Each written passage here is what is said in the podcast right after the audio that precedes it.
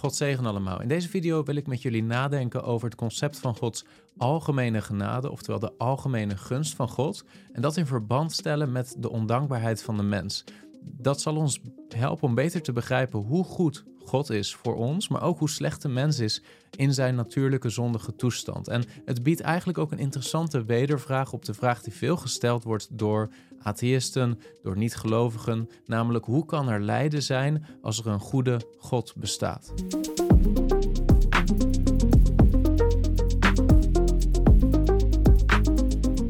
In deze video met name stilstaan bij enkele woorden van onze Heer Jezus die we vinden in Matthäus hoofdstuk 5. En we vinden die woorden in Matthäus 5, vers 45. Maar ik begin te lezen vers 44 en ik zal doorlezen tot vers 48. We lezen daar dat de Heer Jezus zegt: Maar ik zeg u, heb uw vijanden lief. Zegen hen die u vervloeken. Doe goed aan hen die u haten en bid voor hen die u beledigen en u vervolgen zodat u kinderen zult zijn van uw Vader die in de hemelen is, want Hij laat Zijn zon opgaan over slechte en goede mensen en laat het regenen over rechtvaardigen en onrechtvaardigen. Want als u hen lief hebt die u lief hebben, wat voor loon hebt u dan? Doen ook de tollenaars niet hetzelfde? En als u alleen uw broeders groet, wat doet u meer dan anderen? Doen ook de tollenaars niet zo? Wees u dan volmaakt zoals uw Vader die in de hemelen is, volmaakt is we zien in dit vers iets bijzonders wat de Heer Jezus zegt. En het gaat mij met name om dit stuk. U zult kinderen van uw vader zijn die in de hemel is, want hij laat zijn zon opgaan over slechte en goede mensen.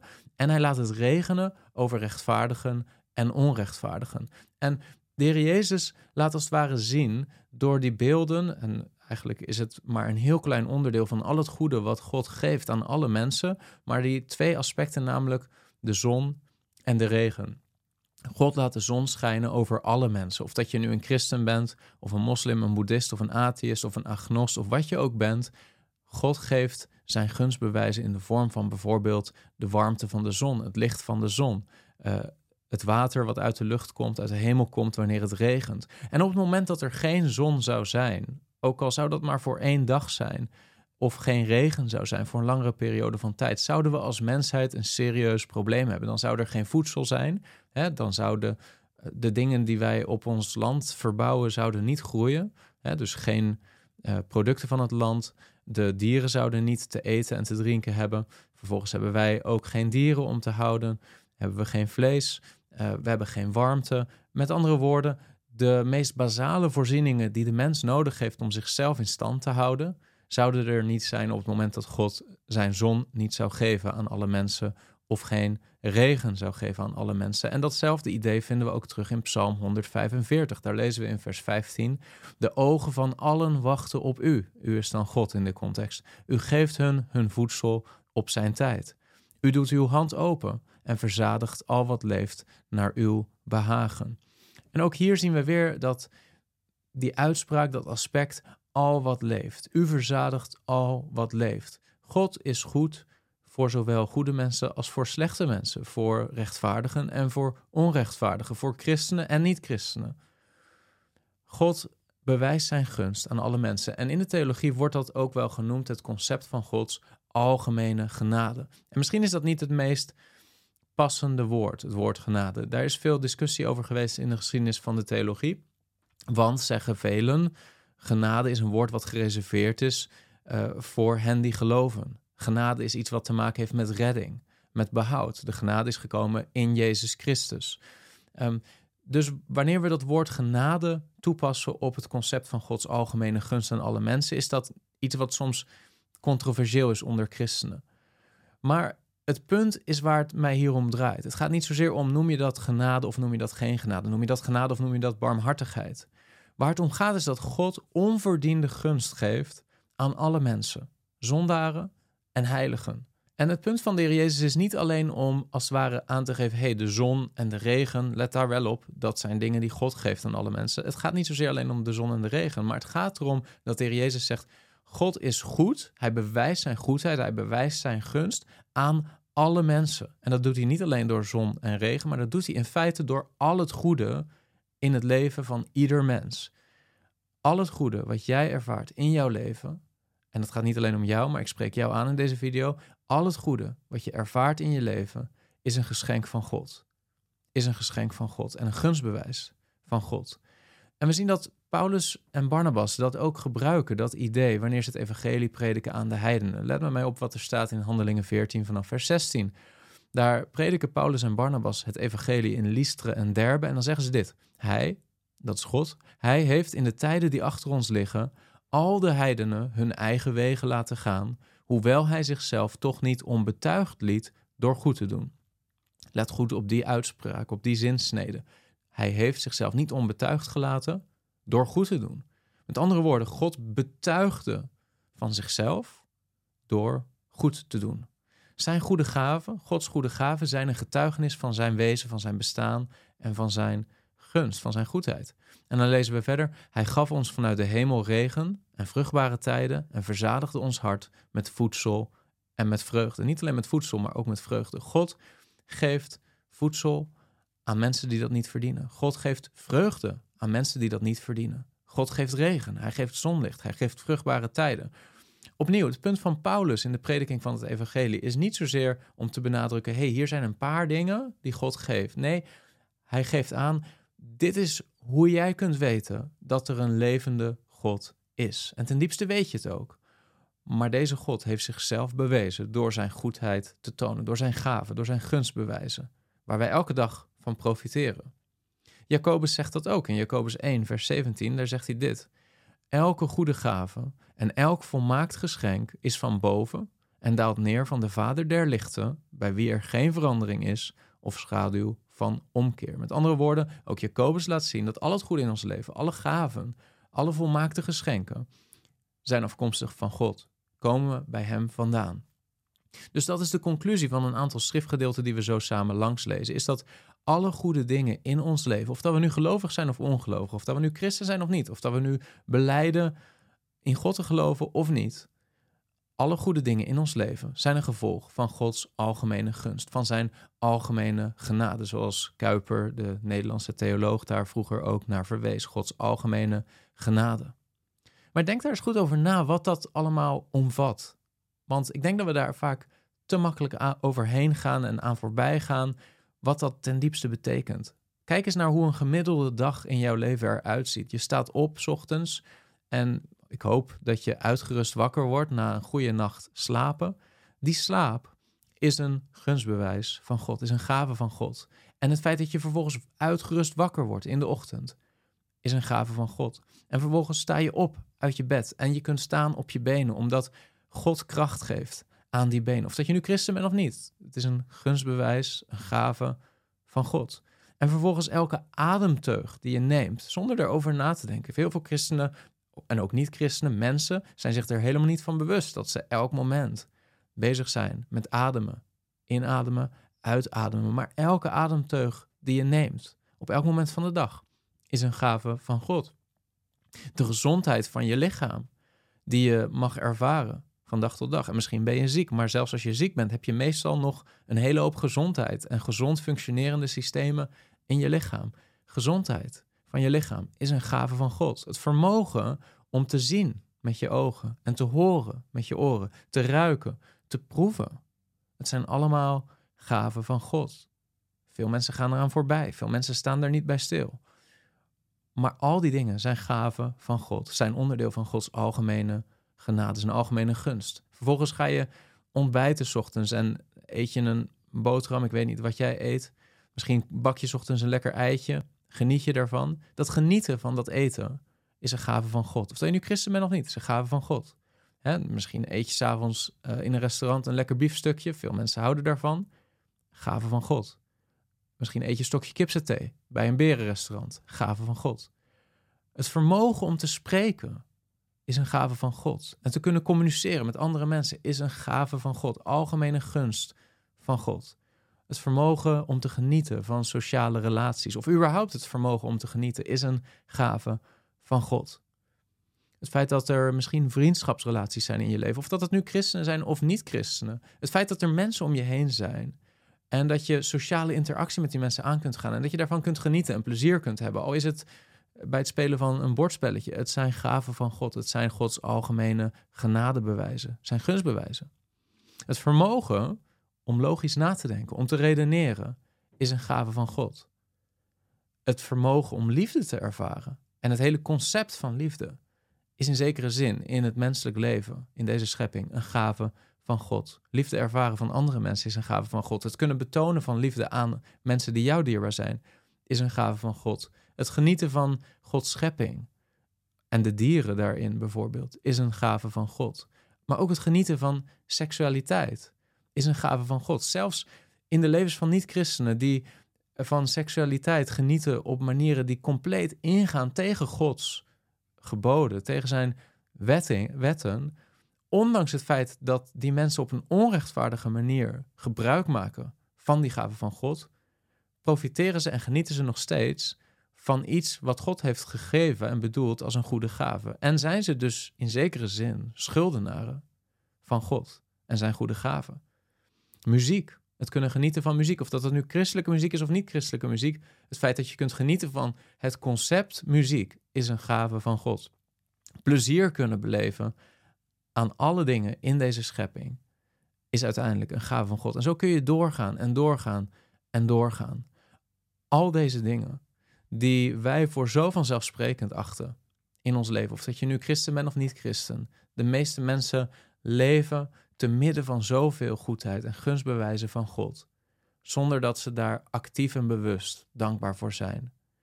En dan merk je vaak dat wanneer je in een apologetische situatie zit, of misschien evangeliseer je op straat, dat veel mensen komen met dit bezwaar tegen het christelijk geloof en tegen het bestaan van God. Namelijk, als er een goede God is, die almachtig is, alwetend, alomtegenwoordig en die goed is, hoe kan het dan zijn dat er zoveel lijden is in deze schepping?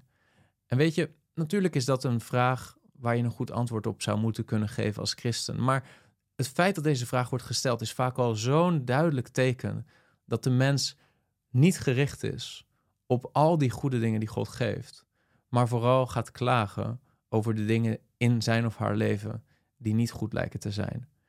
Het is een veel relevantere vraag voor de atheïst om zichzelf de vraag te stellen: hoe kan het dat in een schepping zoals de schepping waarin ik me bevind, een wereld waarin ik me bevind, dat er zoveel goede dingen zijn waar ik van kan genieten, waar ik dagelijks van profiteer, zoveel orde, zoveel schoonheid, zoveel mooie dingen, als er geen God is. We stellen in feite de verkeerde vraag. En wat is nou eigenlijk de natuurlijke, de gepaste, de moreel juiste reactie van een mens op Gods algemene genade, op al die gunstbewijzen die God geeft, ondanks wie jij bent, ondanks het feit dat je Hem negeert en soms actief tegen Hem ingaat. Hè? Want daar begonnen we mee, Matthäus hoofdstuk 5. Jezus onderwijst dit om te zeggen: heb uw vijanden lief. Zegen hen die u vervloeken. In feite is dat wat God doet met zijn algemene gunstbewijzen. Er zijn mensen die, die vijandelijk staan tegenover God. In feite staat heel de mensheid in Adam vijandelijk tegenover God, onderwijst het Nieuwe Testament. Maar God heeft zijn vijanden lief. God geeft ook zijn vijanden zijn algemene gunstbewijzen. God zegent hen die hem vervloeken. Hij doet goed aan de mensen die hem haten. Ja, God geeft zijn gunst aan hen die hem beledigen en die in zekere zin hem en zijn kinderen vervolgen. Dus komen we terug op de vraag: wat is eigenlijk de natuurlijke, de moreel gepaste, de juiste reactie op al die algemene gunstbewijzen die God geeft aan alle mensen. En dat lezen we in Romeinen hoofdstuk 1, vers 20. En dan zie je dat Paulus dit idee ook belangrijk maakt in zijn uitleg van het evangelie van Jezus Christus. Want daar gaat de Romeinenbrief over.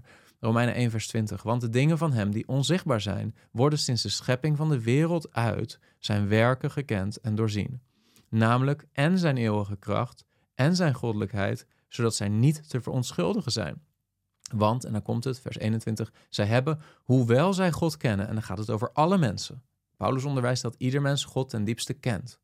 Ieder mens heeft ingeschapen godsbesef. Ieder mens weet ten diepste dat hij een beelddrager van God is en dat hij een bepaalde dankbaarheid en verheerlijking verschuldigd is aan God. Maar dan lezen we, want zij hebben, hoewel zij God kennen, hem niet als God verheerlijkt of gedankt maar ze zijn verdwaasd in hun overwegingen en hun onverstandig hart is verduisterd. Maar dit is misschien wel een van de meest typerende zaken van de mens in Adam, van de zondaar. Van de mens in zijn natuurlijke zondige toestand, in de manier waarop hij zich verhoudt tot een goede God, is dat hij God niet verheerlijkt en niet dankt, ondanks dat hij geen excuus heeft en weet ten diepste dat hij die God verheerlijking en dankbetoon verschuldigd is. Ondankbaarheid is daarmee een van de meest kenmerkende eigenschappen van de zondaar in Adam. En dat zien we ook in de bediening van de Heer Jezus terug. Zelfs wanneer de Heer Jezus, God die vlees wordt, op aarde wandelt, uh, zijn goedheid betoont aan mensen, zien we ondankbaarheid. Kijk naar Lucas 17 vanaf vers 11. Daar lezen we: En het gebeurde toen hij, en hij is daar de Heer Jezus, naar Jeruzalem reisde, dat hij dwars door Samaria en Galilea heen trok. En toen hij een zeker dorp wilde binnengaan, kwamen tien Melaatse mannen naar hem toe, die op een afstand bleven staan. Zij verhieven hun stem en zeiden: Jezus, meester, ontferm u over ons. En toen hij hen zag, zei hij tegen hen: Ga heen en toon uzelf aan de priesters. En het gebeurde terwijl zij heen gingen dat zij gereinigd werden. En toen een van hen zag dat hij genezen was, keerde hij terug, terwijl hij met luide stem God verheerlijkte. Dat is de gepaste reactie op wat hier gebeurt. Vers 16. En hij wierp zich met het gezicht ter aarde voor zijn voeten en dankte hem. En dit was een Samaritaan. Toen antwoordde Jezus en zei: Zijn niet de tien gereinigd? Waar zijn dan de negen anderen? Zijn er dan geen anderen gevonden die terugkeren om God de eer te geven dan deze vreemdeling? En hij zei tegen hem: Sta op en ga heen. Uw geloof heeft u behouden. Ook dit, dit verhaal van de Heer Jezus, uh, deze gebeurtenis, want dit is gebeurd. Het zijn daadwerkelijk die Melaatse mannen die naar Jezus toe zijn gekomen. Deze gebeurtenis illustreert hoe ondankbaar de mens is. En dan is het makkelijk om te zeggen, ja, die tien Melaatse mannen, hè, specifiek die negen die ondankbaar zijn, die zelfs na hun genezing door de Heer Jezus niet terugkomen om God de eer te geven, om Jezus te danken. Het is makkelijk om te zeggen, zij zijn slechter dan alle andere mensen. Maar dat is niet het punt wat Jezus maakt met wat hij hier zegt. Jezus illustreert met deze gebeurtenis ten diepste wat de zondige natuur is van de mens. De mens in zijn natuurlijke toestand is ondankbaar. En dat is niet alleen maar iets wat van toepassing is op deze Melaatse mannen, die toevallig, of toevallig die in Gods voorzienigheid dit genezingswonder hebben doorgemaakt, maar dit is ook van toepassing als je eerlijk bent op jou. Dit is ook van toepassing op jou en mij. Want misschien zijn wij niet genezen van melaatsheid, maar er zijn zoveel gunstbewijzen die God ons heeft gegeven, waar we elke dag aan voorbij gaan, waarvoor we God niet danken, waarvoor we God niet verheerlijken. Wat is de toepassing van dit alles? Um, besef je hoe belangrijk het is om een leven te leven van dankbaarheid. Dat is de gepaste leefstijl voor een christen. Een christen zou ten diepste gemarkeerd moeten worden door de eigenschap van dankbaarheid. Op dezelfde manier waarop de zondaar in Adam ten diepste gekenmerkt wordt door ondankbaarheid.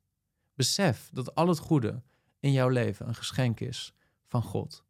En dat besef moet nog dieper zijn voor de christen, omdat de christen niet slechts profiteert van Gods algemene genade, zijn algemene gunstbewijzen, maar ook van Gods bijzondere genade, zoals geopenbaard in het evangelie van Jezus Christus. Zijn verlossing, vergeving van zonde, rechtvaardiging door het geloof. De christen heeft nog veel meer redenen om God dankbaar te zijn. Maar ook de niet-christen, ook de atheïst, ook de agnost, heeft zoveel goede gunstbewijzen in zijn leven dat dankbaarheid de enige gepaste reactie is. En toch, ten diepste, is de mens in een natuurlijke toestand ondankbaar. Dus dat is een eerste toepassing. Leef zelf een leven van dankbaarheid. Niet alleen naar God, maar ook naar de mensen om je heen. Er zijn zoveel dingen die wij ontvangen van mensen om ons heen. Een christen zou gemarkeerd moeten zijn, getypeerd moeten worden door dankbaarheid. Dankbaarheid naar je ouders. Dankbaarheid naar soms je kinderen. Dankbaarheid naar je partner. Dank, dankbaarheid naar de mensen om je heen. Maar een tweede kenmerk. Een tweede toepassing hiervan. In evangelisatie, wanneer iemand je vraagt waarom hij of zij een zondaar zou zijn, wanneer je het evangelie wil prediken, ben je vaak bezig om uit te leggen waarom Jezus moest sterven aan het kruis. En dan kom je al snel op de vraag: waarom is de persoon die ik voor me heb staan een zondaar? En dat zal die persoon je ook vragen. Doe dan een beroep niet alleen maar op het breken van Gods geboden, wat natuurlijk in principe een duidelijk bewijs is van het feit dat de mens een zondaar is, maar doe wat Paulus doet en doe een beroep op Gods algemene gunstbewijzen en de manier waarop de persoon die je voor je hebt profiteert van zoveel van Gods goede gaven en desondanks God niet verheerlijkt of dankbaar is op de manier waarop hij dat zou moeten zijn. Dus in evangelisatie kunnen wij, net als Paulus in Romeinen hoofdstuk 1, een beroep doen op Gods algemene gunstbewijzen. Om te laten zien aan de zondaar dat hij een leven leeft van ondankbaarheid voor een heilig God. Een derde toepassing. Wees zelf iemand die gunst bewijst, die algemene gunst bewijst aan alle mensen om hem heen. Wees iemand die een zegen is voor iedereen, niet slechts gelovigen, maar wees een zegen. Net als dat God zijn algemene gunstbewijs aan alle mensen, goede en kwade, rechtvaardige en onrechtvaardige, christenen en niet-christenen. Wees zelf iemand die zonder onderscheid gunst bewijst aan alle mensen om hem heen. Want door dat te doen, draag je in zekere zin, ben je een beelddrager van God. In de Bijbel vinden we het concept van algemene gunst, algemene genade, maar ook het concept van bijzondere genade, van Gods genade richting gelovigen, richting zijn uitverkorenen.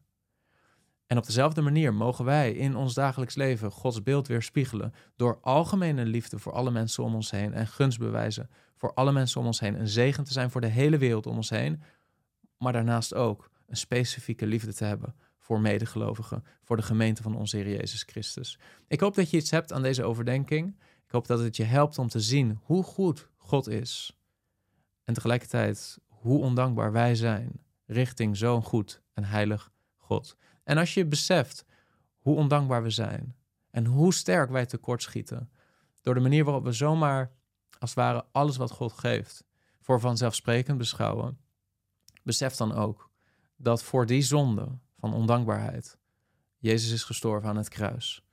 En dat ook voor die zonde van ondankbaarheid er vergeving is door het bloed van Jezus Christus. En dat door Gods Heilige Geest het mogelijk is om een leven te leven van dankbaarheid uiteindelijk een veel vervullender en een veel rijker leven. Ik hoop dat je iets hebt gehad aan deze video. God zegen. Was deze video nuttig voor jou? Druk dan op like en wil je vaker dit soort apologetische video's zien? Abonneer je dan op dit kanaal. Tot de volgende keer.